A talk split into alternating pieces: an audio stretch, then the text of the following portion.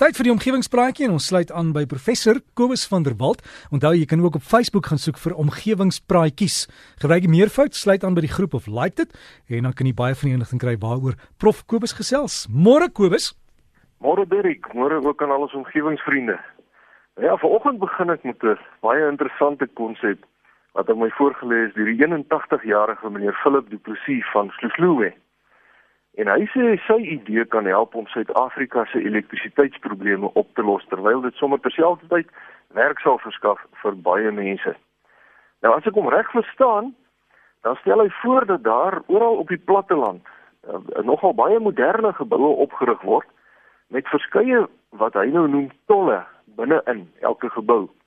En 'n tol is dan basies 'n horisontale staaf wat aan 'n as vas is wat op sy beurt aan 'n elektriese generator verbind is. Nou die as staan regop en dan is die horisontale staaf dan nou aan die as vas en die idee is dan dat mense nou die staaf vat en met die ding al in die rondte loop, amper so donkies op 'n ou tyd se dorsvloer.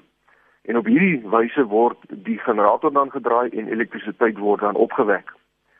Nou sy idee is heel modern want hy stel voor dat elke staaf 'n gleuf moet hê waarin mense dan nou 'n kredietkaart indruk. So as jy nou aanmeld vir jou skof, dan druk jy jou kredietkaart in die gleuf voor jou in die staaf en jy begin krag opwek deur dan nou al in die rondte te loop. En soos wat jy loop word die geld dan op jou kredietkaart gelaai. As jy vinnig loop, dan wek jy nou meer krag op en die geld word vinniger in jou kaart gelaai. En dieselfde geld natuurlik vir mense wat langer kan loop. So hoe langer jy dan nou met die staaf in die rondte loop, hoe meer geld kan jy verdien. Nou, meneer, die presiese idee is dat al die generators dan gesamentlik aan die kragnetwerk gekoppel word en dat ons op hierdie wyse help om ons elektrisiteitsprobleem op te los terwyl ons dan sommer terselfdertyd vir duisende mense werk kan verskaf. En in sy planne is daar storte en kafeterias in die geboue en al die goederes. So op eerste oogopslag, ehm um, meneer Du Plessis, baie oulik. Ehm um, en baie dankie vir die idee, maar ongelukkig is daar 'n fatale swak plek in die voorgestelde stelsel. En dit is die mens self. 'n mens wat normaalweg hande arbeid doen vir vir sy lewe, met ander woorde 'n fiks sterk gesonde jong man wat genoeg gesonde kos eet, se maksimum kraglewering wat hy vir 8 ure lank kan volhou, is slegs maar ongeveer 75 watt. Wat beteken dat om net 1 kilowatt krag op te wek, 'n mens omtrent 14 tolle nodig gaan hê waar mense aanhoudend al nie rond te gaan loop soos pompdonkies van ouds. So as ons nou kyk na ons land se energiebehoefte, dan kort ons vir die afsienbare toekoms hoeveelhede elektrisiteit wat in megawatt of selfs in gigawatt gemeet word. 'n Kragstasie soos Medupi sal byvoorbeeld 4800 megawatt uh, kan lewer.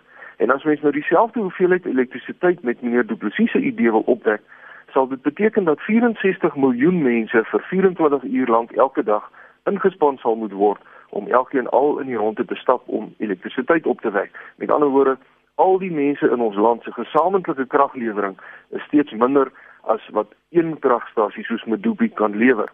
En dit is waarom die idee nie sal werk nie. Die tweede rede is as mens nou kyk na hoeveel geld 'n fiks jong man sal kan verdien uh, deur nou vir 8 ure lank die hele tyd 75 watt krag op te wek.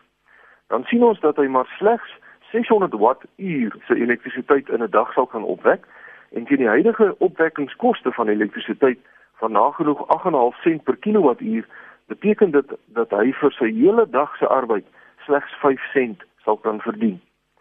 Ek het dieselfde konsep al in die verlede ook bespreek waar ander omgewingsvriende 'n idee gehad het om al die apparaat in gimnasiums byvoorbeeld te koppel aan generators. Met ander woorde terwyl jy nou sit in 'n oefenfietsie trap, dan wek jy sommer terselfdertyd elektrisiteit op wat die TV laat werk waarna jy kyk. Maar die mense vermoë om arbeid te verrig is eenvoudig nie groot genoeg om beduidende hoeveelhede elektrisiteit op te wek nie. Ehm um, meneer De Blassie het wel gepraat van subsidies van van af die staat eh, en dan nou die private sektor om die salarisse van mense wat nou in sy tolle gaan in die rondte loop te subsidieer. Maar ek dink die waarde van die elektrisiteit wat uh, met menslike krag opgewek kan word is eenvoudig te min om die uitgawes te regverdig.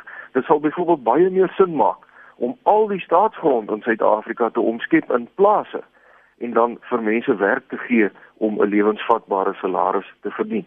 So meneer Du Plessis, baie dankie vir die brief en die idee. En ek is jammer dat ek dit nou moet afskiet vanoggend. Maar ongelukkig kan geen mens by die wette van fisika verbykom nie.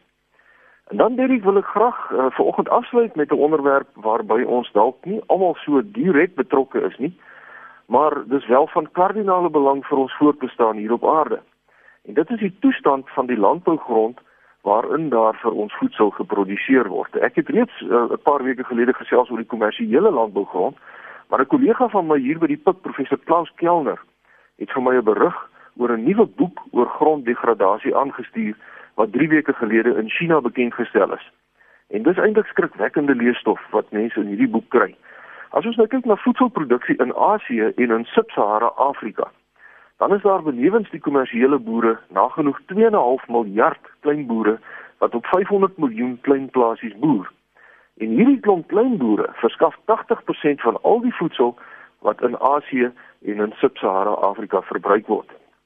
Nou die kommerwekkende is dat daar elke jaar 24 miljard ton vrugbare grond van hierdie klein plasies af geërodeer word.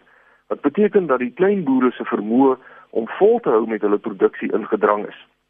'n Derde van die landerye is verder gedegradeer as gevolg van verarming van die grond en ook versuuring, versouting, kompaksie en ook chemiese besoedeling.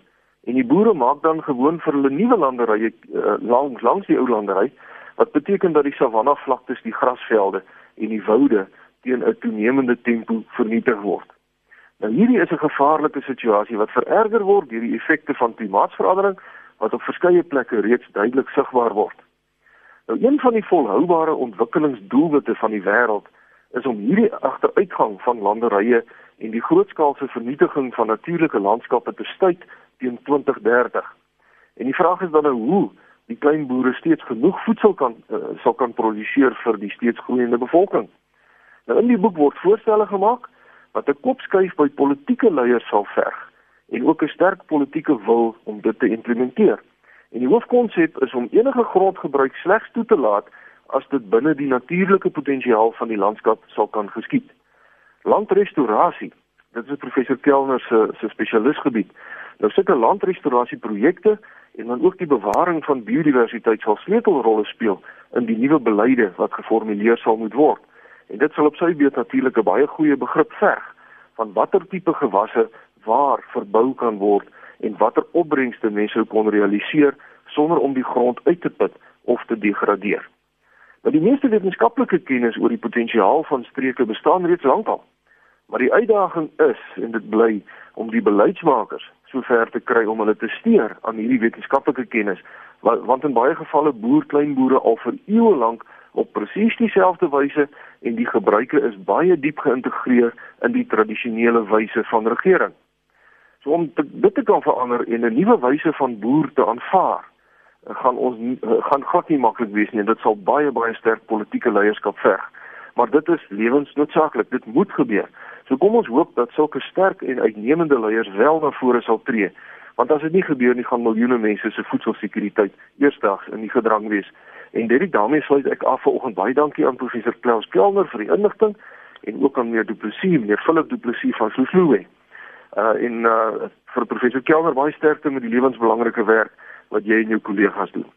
Skryf gerus vir my by kobus.vanderwalt by nwu.ac.za of soek maar net na die bladsy ehm um, van omgewingspraatjies op Facebook.